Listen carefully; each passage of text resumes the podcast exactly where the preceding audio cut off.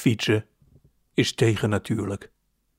Maar leg dat maar eens uit aan iemand die drie dagen lang verkleed als Edammer kaas in een tentje bij bocht 14 ligt, om Tom Dumoulin hollend en schreeuwend aan te moedigen.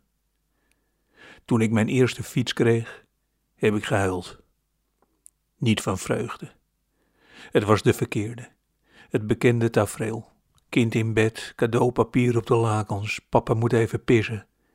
En dan opeens de grote verrassing. Er wordt een fiets de slaapkamer binnengereden. Ik zag het meteen. Tweedehands. En ik wist wat dat betekende. Ik moest op de verkeerde fiets met mijn vriendjes naar het zwembad rijden.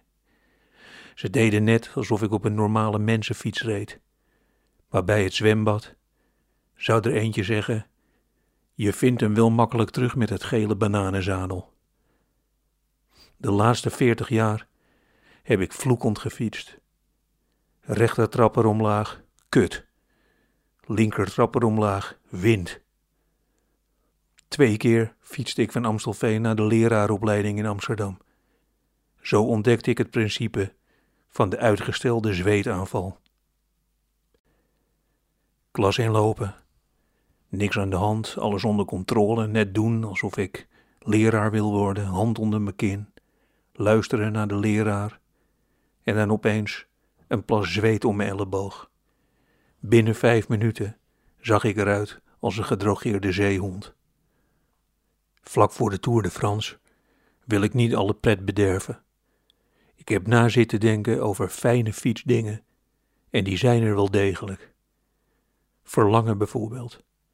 Als er tijdens een etappe 19 wielrenners over het asfalt schuren, denk ik aan de wondjes op hun knie.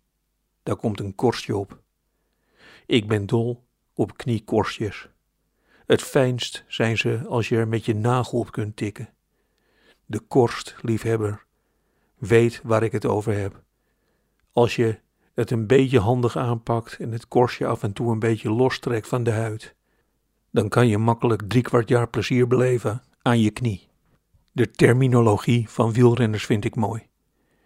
Tot nu toe durfde ik het niet, maar ooit wil ik tussen vier wielrenners gaan staan, beetje meeluisteren en dan opeens zeggen, maar als je met je kneek, als je met je kneek hè, over je borten galt, dan heb je dus wel meteen het slijm in je oogbal. Ik gok dat ze dan gewoon ja knikken. Mijn prettigste fietsmoment tot nu toe. Een alleenstaande vrouw. In een hele leuke jurk die besluit om plastic bloemen om haar stuur te doen. De buren kijken toe en ze zeggen: Het gaat weer ietsje beter met haar.